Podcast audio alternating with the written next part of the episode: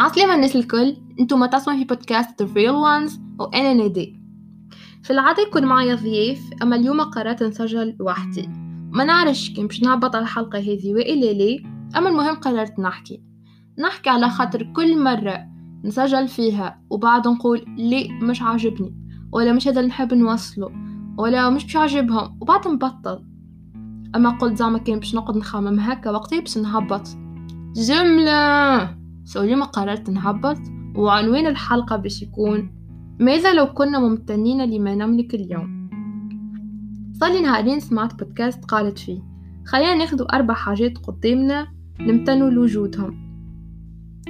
قمت صباح حاجة الأولى صوت أمي وهي تعيط على أخويا. الثانية خطوات أختي وهي جاية تسلم عليا رجعت تقرأ. الثالثة good morning text من عند عبد نحبه والرابعة قطوستي وهي تخرخر. والأهم الأهم إنه بعد جمعتين من قعدتي في بيتي نجمت نغزر لروحي في المراية ونضحك لي. ضحكة متاع نهار جديد. نحاول فيه نفكر روحي في الحاجات اللي نهار من نهارات كنت نحبهم ونتغلب على ال mood متاعي بالامتنان للحاجات اللي عندي. كما تقول ميلودي بيتي الامتنان يجعل لماضينا معنى ويجلب السلام لهذا اليوم ويخلق رؤية للغد. أكيد مانيش واحدة نتأثر بالحاجات الدايرة بيا وكمية السلبية اللي في عالمنا اليوم. أما خلينا نمتنوا الحاجات البسيطة اللي عنا. أنتي تو تسمع فيا هكا ولا امتن لحظة السمع اللي برشا يتمنيوها.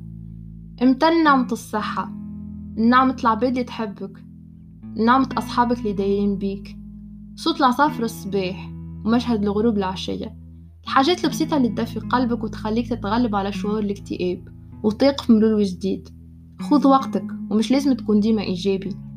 أما ما تخليش الشعلة اللي فيك تطفى وفركز على الشغف متاعك مرة واثنين وثلاثة ما تسلمش. ومن هوني نحب نشكر أكثر عابد ديما يشجع فيا وهو أول واحد يسمع الحلقة هذه. ونقول لي أنا ممتنة لوجودك في حياتي. ثم كنتوا تسمعوا في بودكاست Real Ones. استنوني في حلقات جدد مع ضيوف جدد تكتشفوهم معايا. Bye bye!